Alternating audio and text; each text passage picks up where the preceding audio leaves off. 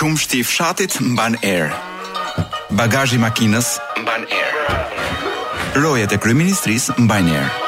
Neoliberalizmi mban erë. Festivalet mbajnë erë. Lakra e zier mban erë. Dosjet e komunizmit mbajnë erë. Plazhet e jugut mbajnë erë.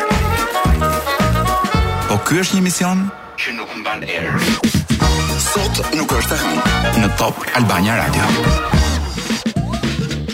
Dhe sigurisht që edhe këto festa mbajnë erë dhe ka një degradim të vazhdueshëm të marrëdhënies sonë me festat e nëntorit. Para 10 vjetësh, ndoshta 15 mbase edhe para 20 vjetësh, ë ne kishim një një komponente të sëmurë nacionalizmi brenda. Të gjitha hallet tona, të gjitha problemet tona, të gjitha marrëdhëniet e këqija me politikën, përpiqeshim t'i superonim me çik nacionalizëm. Pra gjithë stresin tonë e shfrynim në mënyrë nacionaliste. ë më kujtohet përpara nja 10 vjetësh, kur ishte 100 vjetori i pavarësisë, ë kishte një gëzim komplet të rremë nëpër nëpër pabe, nëpër klabe, kërciste xhamadani vija vija, dilnin flamuj të kuq të mëdhenj, domethënë dhe nuk më besohej sepse ishin të njëjtët njerëz që gjatë ditës dhe gjatë gjithë vitit dhe gjatë gjithë këtyre 30 viteve.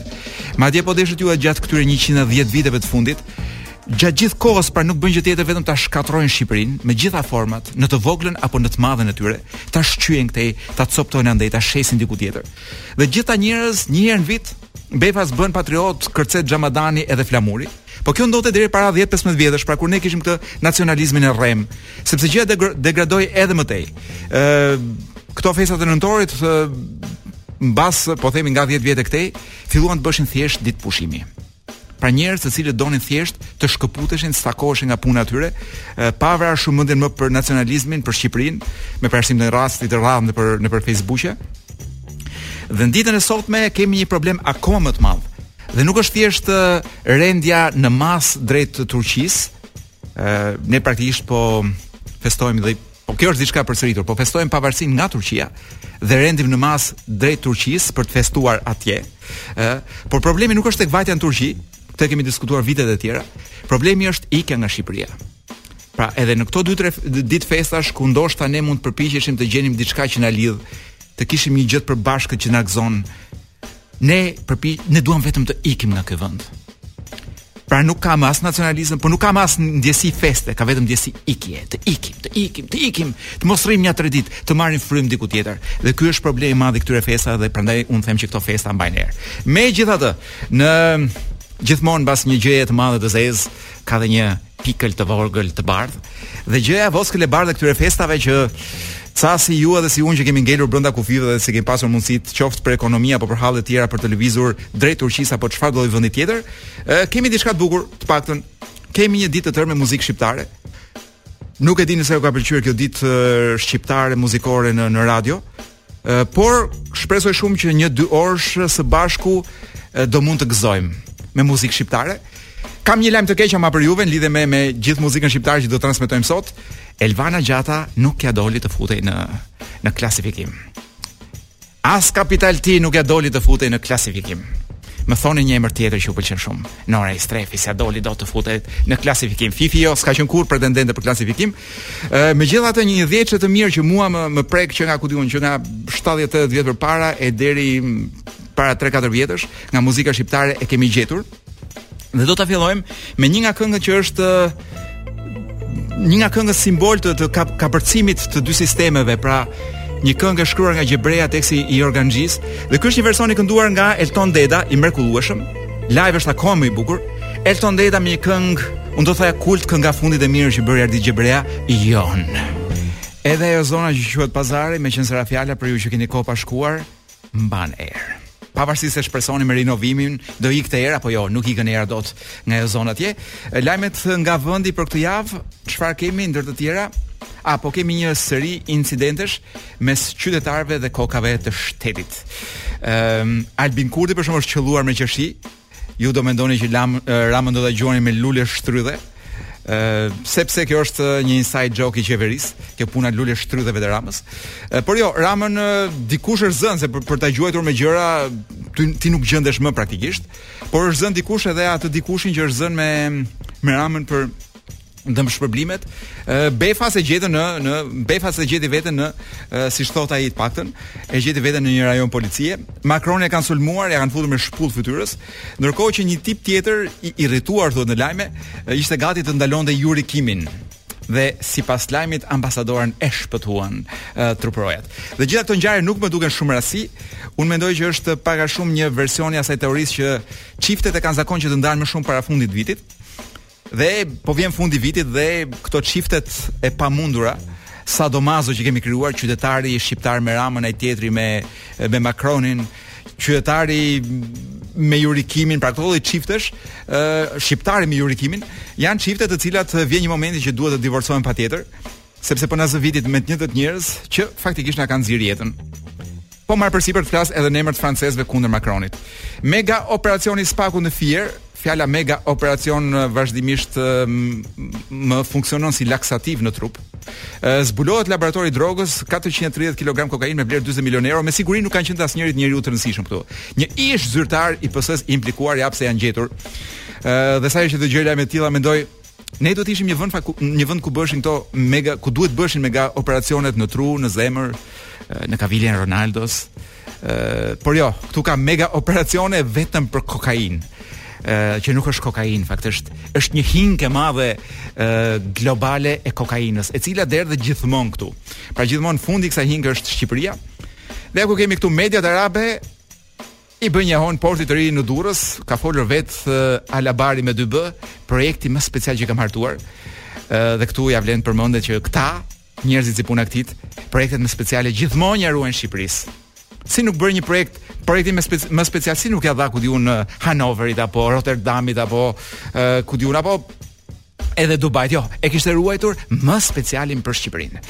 Çfarë kemi tjetër këtu? KLSH raport shokues, nuk e di pse shokohen këta. Dëmi ekonomik dhe shkeljet në institucione paskan kapur vlerën e 1 miliard eurove.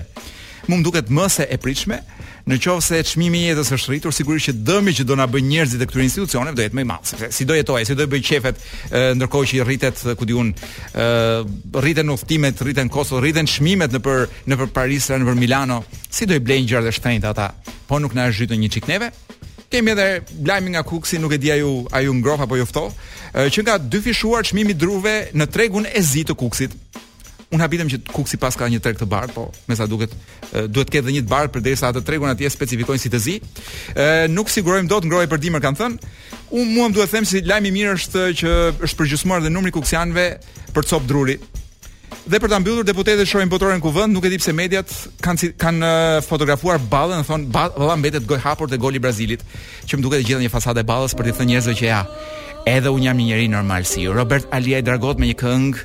Ë, uh, kjo është një këngë që i ka të gjitha brenda. Ka një çik uh, mllef, ka një çik dhimbje, ka një çik çmenduri nga Robert Aliaj. Është një këngë proteste shumë e fuqishme.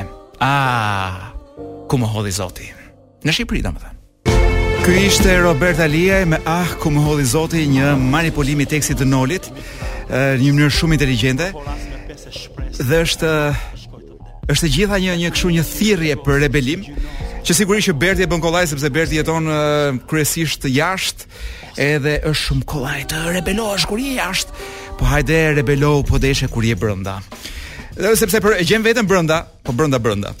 Dhe çfarë kemi këtu po? Ë me rastin e 28 nëntorit, së bashku me kolegun tim Florenc Zerellari kemi identifikuar 10 shenja që tregojnë se je patriot. Shenja parë, kamarieri i lagjes të përshëndet çdo mëngjes me termin si je shqipe. Vetëm se lagja jote është diku në Vupertal. E dyta, përherë sigurohesh që oficerja greke e doganës së Kapshticës të ta shohë tatuazhin e dykrenares në kyçin e dorës dhe kur ta vonon pasaportën. Kur ta vonon pasaportën e shan nëpër dhëmbë. Pasi ke kaluar traun dhe pasi e ke ngritur deri në fund xhamin e makinës. U tregon të gjithëve që ke ikur pa paguar dhomën në Himarë, në fakt i kishe parapaguar në Booking. E katërta shenjë që tregon se je një patriot është që zihesh e shtyesh duke bërtitur e duke u rrahur me të tjerët për të blerë biletat e kombëtares, Një shenjë tjetër që ti del te Rruga e Durrësit për të gjuajtur me guralecë autobusin e kombëtares serbe, zakonisht ia vesh autobusit të Vorës sepse nuk e ke kapacitetin për të analizuar se cili është cili mund të ishte një autobus i kombëtares të huaj. Nuk di as cirilikët ndër të tjera. Ë një tjetër shenjë që je një patriot është që ti nuk vjedh cigare te varrezat e dëshmorëve të kombit, sepse rastësisht ti nuk e di as se ku bien varrezat e dëshmorëve të kombit. Dhe duhet shtuar këtu një një shenjë tjetër që në halu, halucinacionet e hashashit herë mas herë të del Baba Faja Martaneshi. Një shenjë tjetër që ti ulëret i stonuar kur këndon himnin kombëtar, të cilit i di vetëm një strofë. Ë, pra vetëm një strofë. Në testament ndërkohë ke lënë amanet që të varrosin me duart duke bërë shqiponjën. Dhe e fundit shenjë që tregon se je patriot është që ti refuzon të flasësh turqisht, dhe flet vetëm anglisht kur shkon në Stamboll për festat e nëntorit. Rastësisht ti nuk di as turqisht. Kto ki, kto ishin 10 shenja me të cilat mund të kuptoni nëse jeni patriot apo jo. Ë do t'ju lëshojmë një këngë tjetër. Ë a kemi këngë apo direkt nuk pas kemi këngë. Po kemi një bllok të shkurtër reklamash, mbas të cilit Do t'ju lëshojmë ja ta gjejmë çfarë kënge do t'ju lëshojmë, një këngë nga këto kultet e vjetra. Kemi një këngë në fakt që më duhet të flas pak shkurtimisht për të. Ë një këngë e vjetër, mund të jetë dhe me cilësi pak të keqe nga Irma dhe Eranda Libohova. Ë titullohet Të kërkoj është e 80 e cas,, ndoshta 86, 87, 85, 88. Ë por është një dyshe aty është Xhulian Organxhi, është dhe Agim Krajka. Unë mendoj që është një nga kompozitorët më fin edhe më guximtar të viteve 80. Dhe unë kam takuar një DJ amerikan që më thoshte nëse kjo këngë, këngët e Agimit do të kishin mundësi, mund të ishin rikthyer dhe të ishin bërë mod në në në në në New York, ndoshta edhe diku para 10 vjetësh ku u rikthye diskoja në një farë forme. Ishte pra diskoja e modifikuar shqiptare por e futur kështu si kontraband në mënyrë që të mos e njihte sistemi. I madhi Agim Krajka. Patjetër do të kthehesh. Këto ishin Irma dhe Eranda Libohova, një dyshe shumë seksi e nxehtë në vitet 80. Ë, ndërkohë që do t'ju flas për një personazh që është mund të ishte gjyshi i këtyre zonjave që sapo kënduan, dhe është Mate Gabor, një nga psikologët do thosha unë më të famshëm, por edhe më interesant që ka prodhuar bota e psikologjisë në të paktën në 20 vitet e fundit gjithmonë përshtypje personale kjo, e, por është jashtëzakonisht i vlerësuar në botë dhe po lexoja diçka dhe dua ta ndaj me ju, e, diçka që Gabori ka thënë në lidhje me influencerat sepse kjo puna e njerëzve që duan të bëhen diçka ndryshon me me breza, me gjenerata, në qoftë se para 50 vjetësh dikush donte të bëhej shofer ose polic, para 30 vjetësh dikush donte të bëhej mjek, para 20 vjetësh donte të bëhej doganier, para 10 vjetësh donte të bëhej dashnore, uh, ose playboy. Uh, sot të gjithë duan të bëhen influencer, kjo është karriera e re. Dhe flet Gabori thotë, uh, Çështja thotë e të qenit një influencer është se çfarë kuptimi ka të jesh një influencer. Kuptimi është që një pjesë, një shumicë e madhe njerëzish ë kanë vëmendjen tek ty dhe të kushtojnë vëmendje pra, por ata nuk blejnë atë që je ti, por imazhin që ti projekton. Pra influenceri thjesht projekton një imazh. Nuk ka pikë rëndësie se si është influenceri vet, njeri i mirë, i keq, dashuron, nuk dashuron, rëndësi ka çfarë projekton tek tjerët. Dhe puna është kush ka nevojë për këtë lloj produkti. Pra kush ka nevojë që një influencer atje pa bërë emra, ë pra ne të, të atashohemi dhe të duam dhe të blejmë mendjen dhe gjërat që na sugjeron një njeri, të cilit i njohim vetëm fasadën. Kush ka nevojë për këtë gjë? Për këtë gjë kanë nevojë pikërisht ata njerëz të cilët janë të dëshpëruar. Njerëz të cilët janë të dëshpëruar për të rënë në sy. Dhe lind pyetja, po pse këta njerëz, këto milionat, edhe qindra mijërat e shqiptarëve, po milionat e gjithë botës, janë të dëshpëruar për të rënë në sy. Sepse në fakt askush nuk i shef ata. Janë njerëz të cilët të cilët nuk i bien në sy askujt. Dhe kjo është një shenjë shumë e fortë traume. Pra, ata nuk bien në sy me atë që janë, Dhe çfarë bëjnë? Përpiqen të kopjojnë dikë tjetër, i cili gjithashtu shet një imazh që nuk është i vërtetë. Si me thënë, ë dhe thot Gabori këtu, në një farë mënyre fenomeni i influencerëve është një shenjë e qartë e traumave sociale, po në një nivel shumë në një shkallë shumë të madhe. Pra në një nivel global, sepse pikërisht është një traumë që e kemi që të vegjël, kur fëmija i vogël nuk shifet, pra kupton që askush nuk e shef, pra që është i parëndësishëm. Një fëmi i vogël që nuk i bjen sy askujt. Dhe që atje fillon trauma dhe pasaj kur rritemi me këtë traumën, dikush bëhet influencer, ne tjerët bëhemi ata kafshuesit e influencës së këtij. Dhe pasaj futet pje, bëhet pjesë e gjithë një industrie të tërë që shet gjëra të pavlera, monetizojnë një imazh, Pra gjëra komplet të pavlera, të cilat në të vërtetë edhe ne që i blejmë nuk na japin asnjë lloj vlere.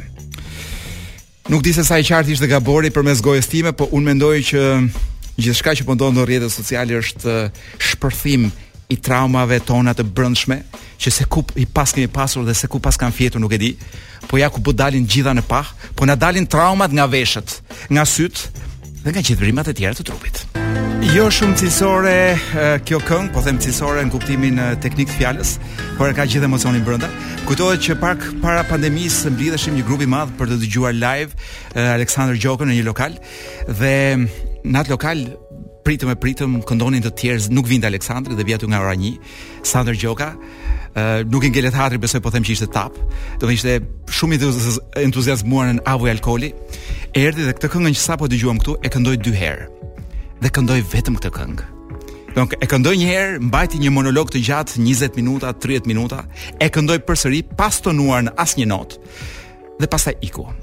Dhe asnjëri nga ata që ishin aty nuk u ankua, që si është e mundur që kemi ardhur, kemi paguar bilet, ku di un pijet për të e, për të dëgjuar Sandrin dhe këndoi vetëm një këngë dy herë.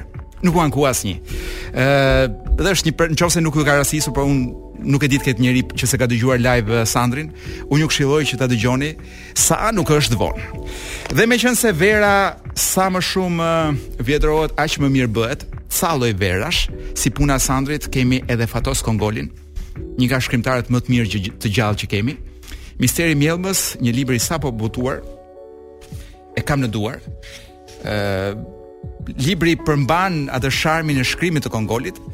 Ë sigurisht dikush mund të presë edhe diçka më shumë ndoshta për, për sa i përket historisë, por është një libër me me një lloj ngjyre kështu ë investigative, policeske, ka pak dashuri brenda, pa ka, ka pak dhimbje dhe ka si gjithë librat e Kongolit ka një letër të shkruar nga një panjohur. E gjeni në çdo libër të Kongolit. Po filloj të lexoj nga Misteri i Mjellmës. Inspektori u kap në befasi kur vuri re se Toyota zuri vend në parkingun e rezervuar. Pa e fikur makinën e tij, meqenëse ndodhej mes trafikut, ai u pozicionua ca më tej në anë të rrugës. Vërejti ndërkaq se RK zbriti nga Toyota dhe shkoi drejt hyrjes së godinës dykatëshe. Ai krijoi përshtypjen sikur ajo godinë duhet të ishte një lloj hotel-restoranti. Në të djathtë në katin përdhesë, faqja prej qelqi e vitrinës lejonte të shihje djem dhe vajza, të ulur nëpër tryeza, që konsumonin ushqimet e porositura, pa u shqetësuar aspak që pranë tyre mbi trotuar shkonin e vinin kalimtarë të shumtë. Por ndoshta mendoi ai, ata dëshironin pikërisht këtë, të shihnin e të shiheshin. Por RK ç'të dojë këtu? pyeti veten. Deputeti u ul në një tryezë në aneksin e kafenesë, përbri sallës së restorantit. Sapo zuri vend një kamerier i ri në moshë, vajti menjëherë tek ai. Nga mënyra se si RK komunikoi me djalo, djaloshin, inspektori krijoi përshtypjen se ata njiheshin, se burri i qeshur simpatik ishte këtu një klient i rregullt. Pas pak djaloshi i solli klientit një kafe dhe nja 10 minuta më vonë, RK u ngrit, u përshëndet miqësisht me djaloshin, vajti në parking ndezi Toyotan dhe u largua. Inspektori iu bind intuitës e kot që të vihej sërish në ndjekje të deputetit. Intuita e këshilloi të zinte vend në parkingun e rezervuar. Pastaj të shkonte të ulej në tryezën ku disa çaste më parë ishte ulur njeriu i pushtetshëm. Kështu do të mund të sqaronte disa pikëpyetje që e ngacmuan aty për aty. Djaloshi i veshur me një këmishë të bardhë me mëngë të gjata dhe pantallona të errëta jeans, u paraqit menjëherë pranë tij. Një kafe të lutem dhe një shishe me ujë pa gaz i tha ai, duke e mbërthyer me një vështrim të ngulmët, në një përpjekje për të lexuar diçka në fytyrën e djaloshit. Në kohën që ai vajti në banak për të kryer porosinë, vërejti se një një palë shkallë të ngjisnin në një korridor të katit të dytë. Nuk vonoi shumë dhe kamarieri i solli kafenen dhe shihen dhe shishen e ujit. Kur po ia vendoste në tryezë, inspektori e pyeti. A mund të të bëj një pyetje? Djaloshi mbeti për një çast. Sigurisht, jepi. Disa minuta më parë këtu këtu ku jam ulur unë ishte ulur dikush tjetër. E njihni atë person? E dini kush është? Kamarieri e vështroi me dyshim. Vjen keq ia ktheu. Ai ishte ai është një klient si gjithë të tjerët, ndërsa unë jam këtu vetëm për të shërbyer, pavarësisht se kush janë klientët, dakord?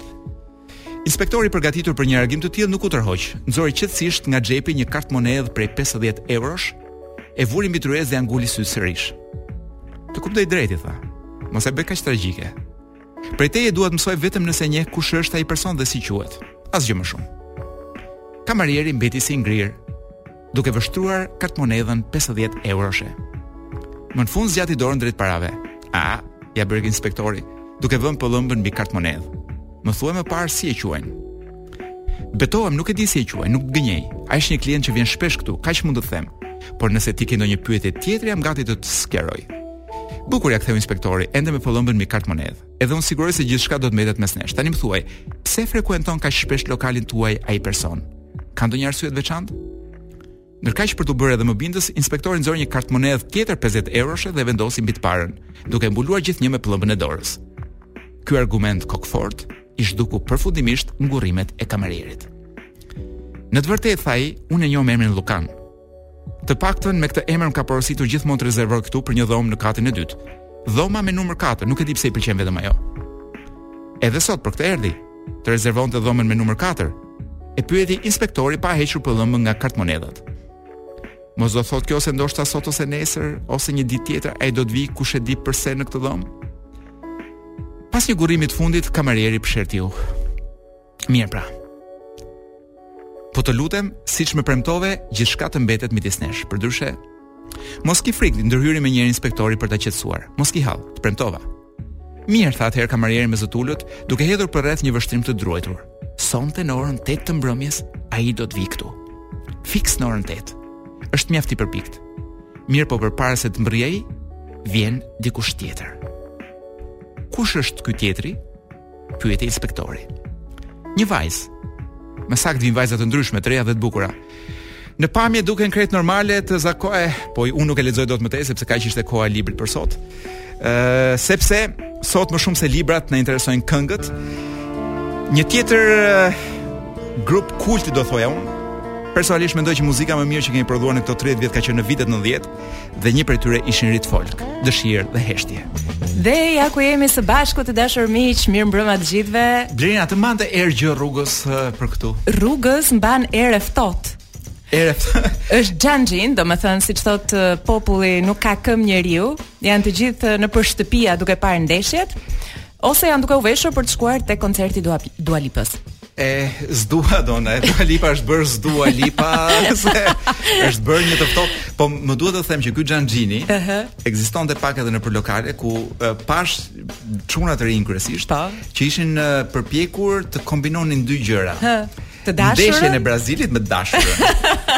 pra donin që edhe të dilni me të dashurën, pra edhe të quhej të numërohej aty me kryq që dolëm dhe sonte. Por dhe mos rrini pa parë ndeshjen, një gjë që siç e dimë të gjithë, ose një pjesë prej nesh, kur martohen, në qoftë se do martohen, do ndryshojë katërcipërisht. Ai do shohë ndeshjen me çunat ku ishit vetë ndeshja, ti rri dhe prit në shtëpi. Tashi se pret, se se pret vetëm, se pret vetëm. Me të tjerë nuk e di, po në shtëpi do ngelesh. E qartë. Uh, unë mendova që në fakt uh, ndeshja shihet në shtëpi, po me të dashurën. Megjithatë ti më konfirmon që lokalet janë plot. Dikush do e merrte, uh, si me thënë, ndërmjet Dua Lipës dhe uh, Brazilit dhe dashurës, do të thonë sa sa ç'opsion ka njeriu i shkretë. Një djalë i shkretë nga Tirana që do donte dhe mos harxhonte shumë. Dua Lipa është falas duket. Dua Lipa është falas për të gjithë ata që nuk e kanë paguar një herë në në gusht. Ah po se Dua Lipa e verës. Dua Lipa e verës ishte me është shumë me biletë, është po, është ishte me me shumë biletë. Ë uh, se është më është zhveshur ndoshta. Mos vjen, mos është më e veshur tani dhe. Po me siguri, me siguri. Megjithatë unë dua t'i uroj gjithë shqiptarët. Është është pa lek. E urojmë edhe Dua Lipën për uh, pasaportën shqiptare.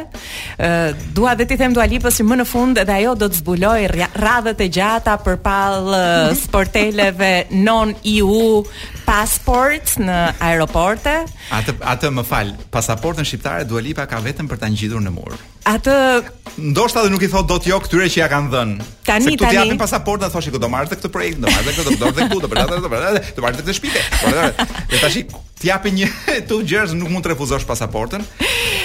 Dua Lipa për t'u kthyer në Londër me pasaportën shqiptare duhet të marrë vizë, ti e di besoj. Me gomone shkreta me pasaportë. Jo, vizën nuk nuk e japin kurrë një herë. Ti besoj e di. Se sa të bën, unë kam unë jam djegur dy herë në vizë dhe jam bërë gati që të shkoj ta festoj vitin e ri me gomone. Do të shkoj, dua të festoj një vit të ri në Londër dhe dua ta bëj me gomone.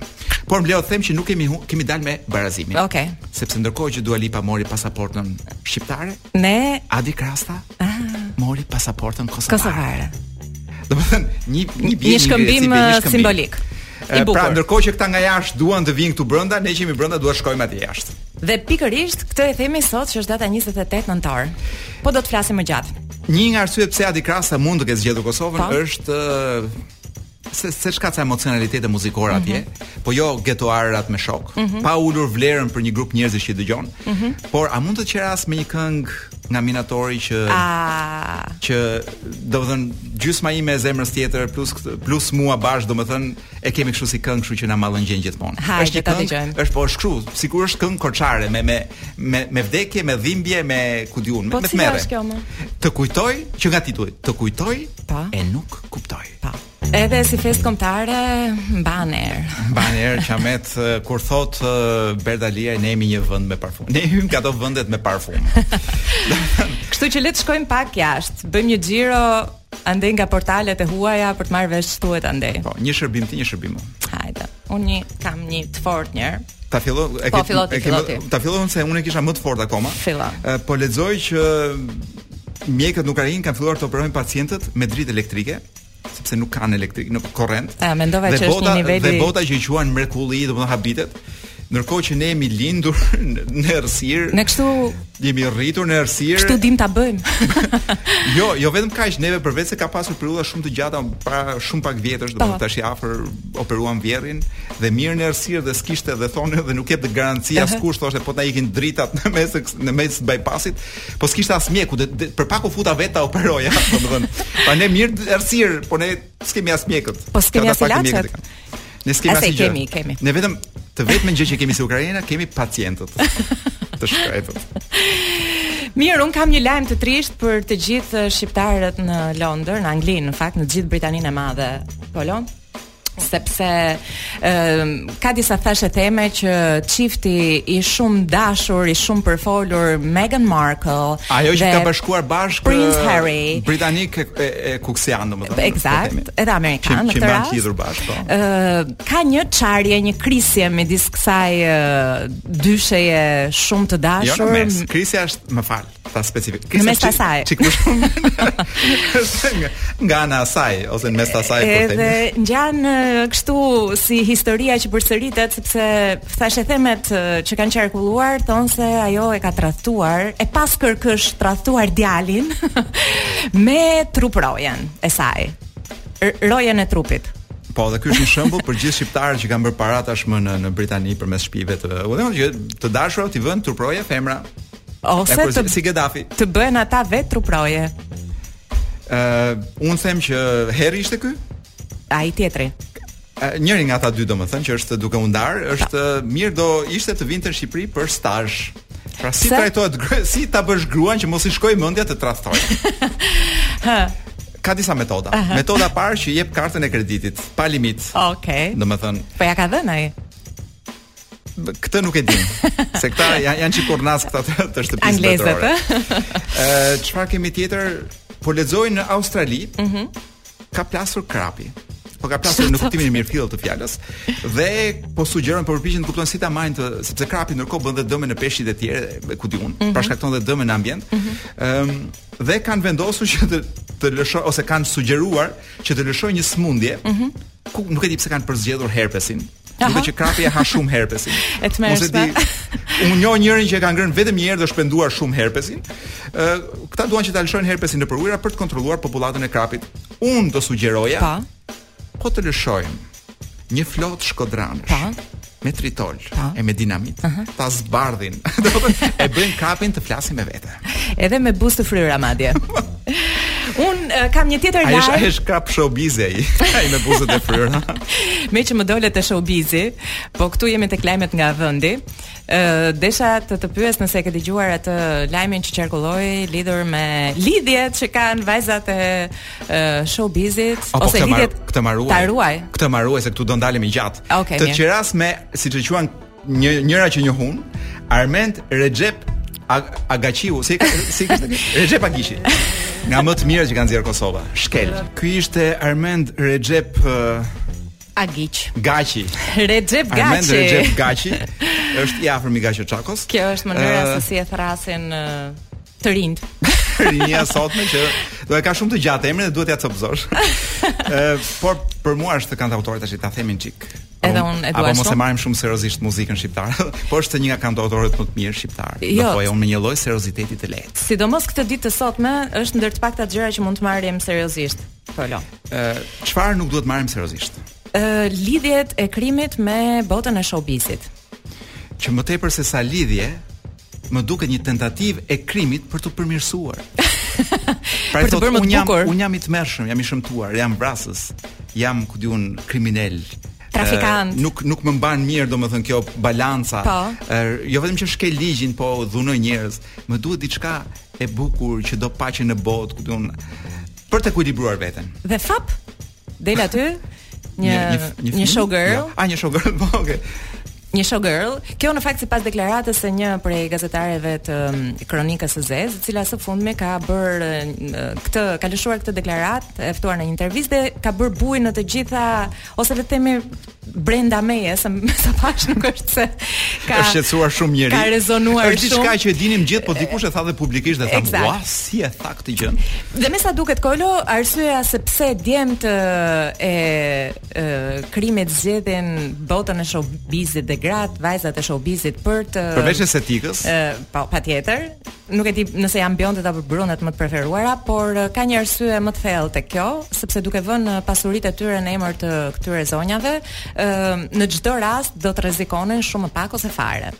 Pra, kemi krimineli është para dy uh, alternativave. Ha, të vë... Ose pasurinë ta vërë në emër të dashurës që është figurë showbizi, ose, ose në emër të gjyshes. Ose... Tani kujt do ia bëjë të zezën? Ose, ose kë do do të sakrifikojë? kë do donte ose tezen? Atë që do më shumë. As... Sepse sakrifikon, kur sakrifikon botën e gocën e, e botës, e cila ndërkohë vjen me dëshirë shumë të madhe për sakrificë. Eksakt. Ç'po bëjnë këto vajza për ekonominë shqiptare, domethënë nuk ia di dhe s'ka për t'ia ditur njeri. Dhe kjo është ndër ato gjëra që nuk të bëjnë të ndihesh dhe aq krenar në këtë 28 nëntor, megjithatë është kështu.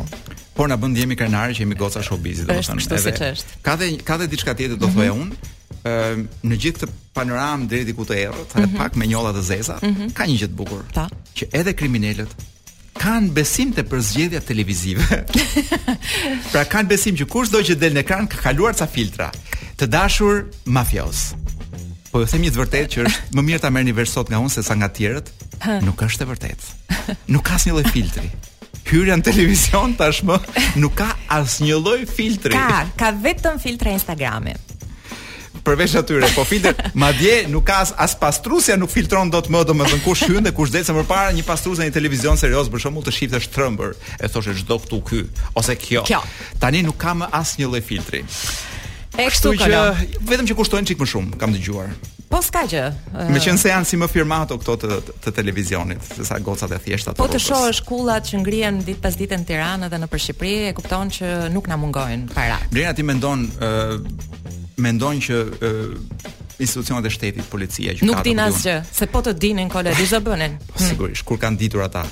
Por në qoftë se u bie në dorë një goc showbizi e pastër nga jashtë, por me një CV ekonomike të krimbur Unë, dhe problematike. Po të isha ministre që... ose ministër, do t'i jepja edhe pasurinë time. do jepja edhe një shans për të pastruar asaj gocës. S'e di, nuk e di, duhet ta mendoj. Dhe pyetja e fundit lidhet me po. temën. A mund të quhet Mimoza Ahmeti një vajzë showbizi? Dhe ka shans ajo të mbuloj uh, Duhet të dish ç'ndodh në botë Se Mozën e dua shumë si njeri Dhe nuk ta merr për ters kur, kur bëjmë dhe shaka me të Jo, ajo madje kishte bërë shaka dhe vetë uh, A mundet për shembull që një, një mafioz të zgjedhi Moza Ahmetin thotë, do të thotë, unë dua t'i pastroj paratë përmes kësaj zonje.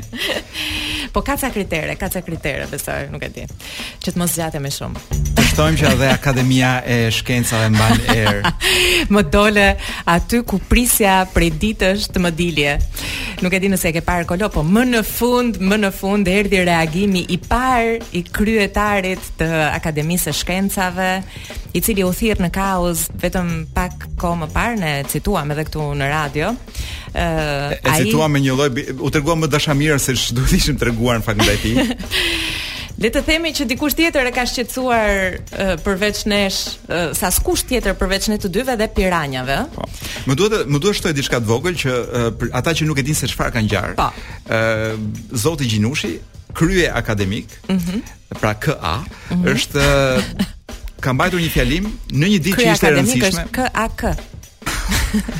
Pra, KAK po nuk po, do nuk po zgjatem tek okay. Eh, akronimi. Akronimi, po. Ë, eh, por më duhet të them që një ditë që ishte e rëndësishme, mos gaboj ishte dita e përvjetorit të të, të Kongresit të Manastirit, ndoshta Akademisë së Shkencave. Apo të Akademisë së Shkencave. Është një ditë, po ishte një ditë jubilare Okay. Dhe përpara njerëzve që ishin supozohet ishin gjithë të nivelit të lartë, zoti Gjinushi mbajti një fjalim ku citonte libra të gënjeshtërt, që libra që nuk ekzistonin, që ai nuk i ka lexuar, po i citoi sikur t'i kishte lexuar, eksakt. sepse li, ato libra nuk ekzistojnë dhe janë pjesë e letërsisë uh... së portalit Peizazhe të Fjalës. Eksakt. Dhe tani të shqetësuar të gjithë. Vijmë te e sotmja. dikush ka trokitur në derën e zotit Gjinushi për ta pyetur se ç'ishte ajo thagmë që lëshoi. ë dhe janë piranjat siç e thashë dhe megjithatë kryetarit të Akademisë së Shkencave nuk i duket aspak me rëndësi ajo që ka thënë.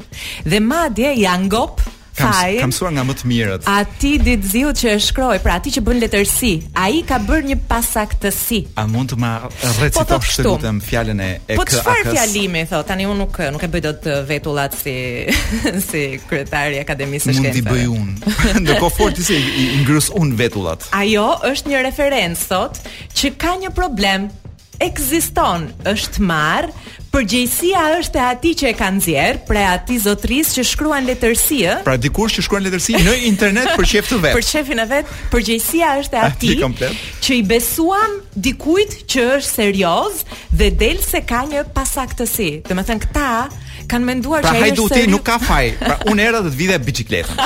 Se mendoja biçikletë angleze. Ti mor zotri më mbaje biçikletë kineze. Që ma shisje, që ma bëje sikur është angleze dhe unë që e vodha të kem faj. Pra, përveç se më ke mashtruar, më ke lodhur. Po, kam ardhur të të vjedh dhe dhe kam kam dalë shumë duarbosh sepse nuk vodha dot gjë. Dhe ti dhe turp të të vijë. Siç tha edhe kryeministri, KMK-ja, se s'është KM. Kush nuk gënjen, nuk ka problem të kërkojë falje është një postulat tashmë për mua, janë un janë fraza me të cilat ngop veshët e, e, e miqve të mi gjithë ditën. Jo, jo, jo, jo postulat, është apostulat. Zoti kryeministri beson që mas eh, disa mijëra vjetësh do shtohet edhe ungjilli sipas Edi Ramës. 13 16. Eksakt. Por tek tek gjëra që dalin nga goja uh -huh. edhe je detyruar ti nganjëherë t'i marrësh mbrapsht. Mund të të recitoj pak frazat e thëna nga një tjetër korife uh -huh. i artit shqiptar. Se më dridhen leqet. Që është uh, të ulem. Me, akronimi i tij është TPP. Tedi Papavrami. është uh, Tedi Papavrami. Se unë kam qenë. Në një moshë Edhe unë e kam pasur qef. Ka qenë një poezi dikur Teddy Bear, Teddy Bear, what's this, what's this, is it a chair, is it a chair, yes it is, yes it is. kështu kam mësuar anglisht. Kështu kem, kem kështu ka mësuar pak a shumë edhe t'i bjeri violinës Teddy, i cili në violinë unë mendoj që është virtuoz. Uh -huh. Por si gjithmonë këta njerëzit që janë të duarve uh -huh. ose që kanë ose të këmbëve ose që bëjnë një sport, bëjnë ak, një aktivitet që nuk bëhet me gojë, domethënë, uh -huh. kur hapin gojën, mbjellin thagma dhe a të të lexoj thagmën e zotit TPPP. PPP. TPPP-ja ka thënë ë që Ramën e njeh që i vogël dhe ishin shokë së bashku që kur ishin në shkollë. Po mirë, Kolo, edhe unë mund të them kështu për ty të njëjtën gjë. Jo që i vogël, po pak më i rritur. Po ti më krahason mua me sonatën e 7 të Beethovenit? Po se unë nuk e di se cila është. Jo, ne edhe mund ta dimë cila është e shtata Beethovenit. Por po nuk si e di në kokën e Papavramit se çfarë është kjo e shtata, do të thotë ç'ka në kokë domethënë këtu. Unë me atë të pestën ta krahasoja. Po gjë dhe për kë ka harxhuar 6 të tjerë, 6 të tjerë, ato 6 që vinin para të shtatës, që më duket edhe nuk i ka me numër i shkreti, po. Ë e njoh thotë që kur kam qenë 7 vjeç dhe E ja, këtu duhet personaliteti i Ramës sot është si sonata e 7 e Beethovenit. Atëherë, këtu ka tani po t'i hyjmë, po t'i hyjmë sonatës, po t'i hyjmë sonatës, Sigurisht që do nxjerrim që është ka çmenduri brenda, ka psikopatizëm, ka mungesë përqëndrimi, ka empati, ka dramacitet. Empati nuk ka. Pra nëse është kryeministri dhe sonata 7, kjo sonata nuk ka empati, jeton e vetmuar, jeton e A të ta shpjegoj si është sonata 7 e Beethovenit. Të dëgjoj. Është pordhace. Tangërlikse, Arrogante. Shan e flet arrogant, shan e flet me llafe të pista. Mm -hmm. Masakron gjithë sonatat e tjera, domethënë, jo vetëm të Beethovenit, por edhe sonatat e e kompozitorëve të tjerë që s'janë të Beethovenit. Ka pikë të dobët gazetarët për Mendon që është më e mira. Po. Mendon që është sonata më e mirë në botë. Mm -hmm. Vetëm një ekziston. Ajo sonatë. Po nuk ka tjetër përveç asaj. E të tjera të tjera. Ë uh, tani pyetja ime është lidhur me këtë deklaratë të Tedit, përveç që përdhos Beethovenin me gjëra të vdekshme. Ë uh, sa para mendon që ka marrë për një koncert ose sa pret të marri për një koncert apo flet nga apo thjesht është lajthitur nga trutë dhe i lëshon si t'i vijnë. Unë nuk e di nga e gjithë deklarata e vetmja frazë ku ndala ishte që ai e ka ftuar zotin kryeministër për të qenë pjesë e këtij koncerti për ta ndjekur nga afër, por nuk beson që ai do të shkojë ta ndjekë. Dhe më vjen shumë keq për Tedin. Në qoftë se Tedi do merrte ndonjë para projekti për këto që ka thënë, edhe mund ta mirëkuptoj dhe them që tashi edhe francezët, edhe këta me pasaportë franceze kanë nevojë për të marrë ca para. Por do doja shumë që këta që vijnë 3 ditë në 2 vjet në Shqipëri, vijnë të rrinë nja 3 muaj një herë, që ta shohin Shqipërinë mirë. e të udhëtojnë mirë dhe të punësohen këtu dhe të përpiqen të jetojnë dhe të mbijetojnë këtu dhe pastaj do i këndojë sonatat si qen endur rrugëve. Po, te, te artist te Teatri i Operës dhe Baletit, Tedi muzikant. Te ja. Tani, okay. unë do kisha dashur në qoftë se është e mundur brënda mundësive, pa, po, pa, po, a e po. kemi një Muharrem Qenë e dashur Kloi? A, varietet, varietet. Në qoftë se kemi Muharrem Qena e dashur Blerina, është ti e di po Ta them ty, Edhe kush nuk ka vesh të dëgjojë. Që ta them, po. Aty atyre të tjerëve që nuk e kanë, si me thënë, nuk kanë ndërtuar këtë urë uh -huh. komunikimi me Kosovën, është një nga këta muzikantët, jo muzikant, ka qenë artist shumë dimensional. I ndjerë tashmë, po bënte nga këto këngët kështu të lashta të vjetra, kështu që më vjen kështu një lloj, oh. më vjen çik si vals, çik si tango kështu, një Shqipëri e një Shqipëri dhe Kosovë e humbur. Kjo kënga është gjithë dhimbje. Edhe unë po përmendë. Ma lehtë pa dhimbje. Të gjithë ju që e keni një mall për Frederik Ndocin, sytë tu. Të ka marrë malli dhe ty. Unë jo sepse pata fatin ta dëgjoja në autobusin e Unazës. Edhe unë është i njëjti autobus dhe besoj i njëjti shofer Që është i apasionuar mbas Frederik Ndocit. E vë në repeat. Unë kam qenë një ditë të marrë në autobusin e Unazës, po ti? Unë nuk zbrisja dot nga Unaza. është, domethënë, e vë 10 herë, 20 herë, domethënë, ose mund të jetë strategji për të larguar për të larguar klientët. Ose për të thirrur të gjithë shpirtrat e ngjashëm, ata që janë të apasionuar po njësoj sa ai rreth pas Sir Frederik Ndocit. Mbas disa stacionesh ngela vetëm unë dhe një zonjë e vjetër, po ajo zonja e vjetër thjesht nuk po kuptonte ku do zbriste, se do kish zbritur më herët. Na mbyti me Frederik, domethënë Frederik Hue, Ndoci. Ma, e di ç'më pëlqeu më shumë që dhe e këndonte me zë. Patjetër. Ndërsa i jepte autobusit. Po ç'kuptim ka sytë e tu, domethënë nëse nuk e bërtet edhe ti. Eh, gjemp karinje dhe dashurie, kolo. Po një, domethënë Frederik Ndoci një nga sex simbolët e viteve 80 apo s'mund të quhet. Po po, Pikës, kokës i ka rënë. Po pra ka bërë dhe një dhe një film muzikal ku di unë. Andi Tela ato. Po Andi Tela quhej? Jo, okay, është gazetar. po Andi diçka. Ë uh, Blerina. Urdhro. Do më godasësh ti apo të godas unë. Jepi ti. Për gjëra do gjëra që të zmadhojnë mendjen. Hajde. Gjeta një studim të vjetër, është mm -hmm. sa i mhm. vjetër. Ka është bërë para 14, 15 vjetësh. Wow. Po është si të jetë bërë sot. Ë, sidomos për këta që pretendojnë që neve me majm, këta që ofendohen kur themi që ne vijmë nga majmuni. Kemi prejardhjen nga majmuni. Ë, një eksperiment i bërë në Yale në atë kohë, mm -hmm. me një grup majmunësh kapuçin që janë këta majmunët që përdoren shumë nëpër filma, këta mm -hmm. që mhm. janë sikur kanë veshur një gjë të bardhë, kështu një si bluzë të bardhë deri në gjoks zonë dhe nuk një top, si e po, thonë domethënë. Është qartë ky lloj i këtyre majmunëve kanë bërë një eksperiment social, jo social, një eksperiment mirëfilli, shkencor po.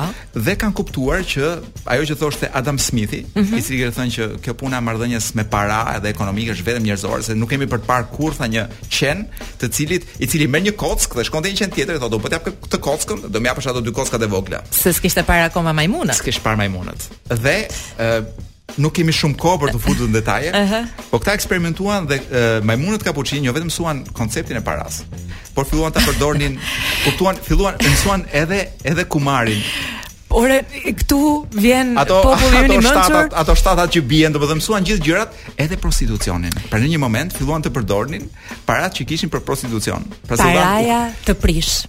Majmunët i lëqendisi fare do të thotë. Paraja të prish në të gjitha kuptimet të drejtpërdrejta dhe figurative që kjo fjalë mund të përmbajë. Jo, desha thosha të pyesim Samir Manen për këtë domethënë, por nuk do kemi si e pyesim dhe nuk ka kush na kthen përgjigje. Nuk është i vetmi oligark. Ë, uh, jo, unë do të largohem. Unë do largohem fare nga paraja, do të shkoj tek shpirtërorja. Ë, uh, kolos sepse zbulova një ë uh, sondazh ose një uh, analizë shumë interesante. Megjithëse është e bërë në Shtetet e Bashkuara të Amerikës, edhe nuk e di se si do të jemi ne në raport me uh, kohën e humbur në mediat sociale. Uh, ne ua kalojmë, të jesh i sigurt. Ne edhe unë ashtu mendoj. Për kësi sfidash është jemi të parë, domethënë për të dalë keq jemi të parë. Sondazhi, mendohet që një amerikan harxhon në rrjetet sociale 608 orë në vit. Ndërkohë thotë ky artikull do të duheshin vetëm 417 orë në vit për të lexuar 200 libra. Pra koha pak a shumë koha që harxhojmë në rrjetet sociale është një kohë që mund të lexoshin 200 libra për ata që lexojnë shpejt. 300 le të themi. 300 400 orë 200 libra me llogari. Ja, 400 orë 200 libra. Pra gjithë koha që ne harxhojmë në rrjetet sociale mund të ishin lexuar 200 libra. Por kush do na budallepsë neve dhe si do budallepsemi? Kjo është çështja. Domethënë, si do bëjmë ne që atë pjesë të trurit që e kemi akoma të pashfrytëzuar, do të thotë 4% përdorim, pra gjithë atë pjesën tjetër si është, si do bëjmë të mundur që ta mbjellim me gjëra që s'na duhen? Dhe ne do të ndahemi me këtë dilemë të madhe. Me këtë pikëpyetje që do të na brejë së brendshmi deri javën që vjen? Unë jam shumë i lumtur që që brezat që po vijnë janë kaq injorantë sepse të paktën nuk do na nxjerrin dot kollaj nga loja. po an Kloj, po. Merre personale dhe sa të mbarojmë Kloj dhe Dovi do të djegë gjithë rrjetet sociale, ashtu te. nuk na e ha, nuk na e hap më po. mikrofonin sa po na e mbylli. Përfaqësuesja e brezit të ri po na kërcënon me mbyllje mikrofoni. Blerina. Më thuaj. Nuk do flas gjatë. Okej. Po gjithçka që unë do doja të thoja për Shqipërinë është brenda kësaj kënge. Ju lëmë me këtë këngë të grupit Troja dhe ne do të rikthehemi përsëri të hënën që vjen.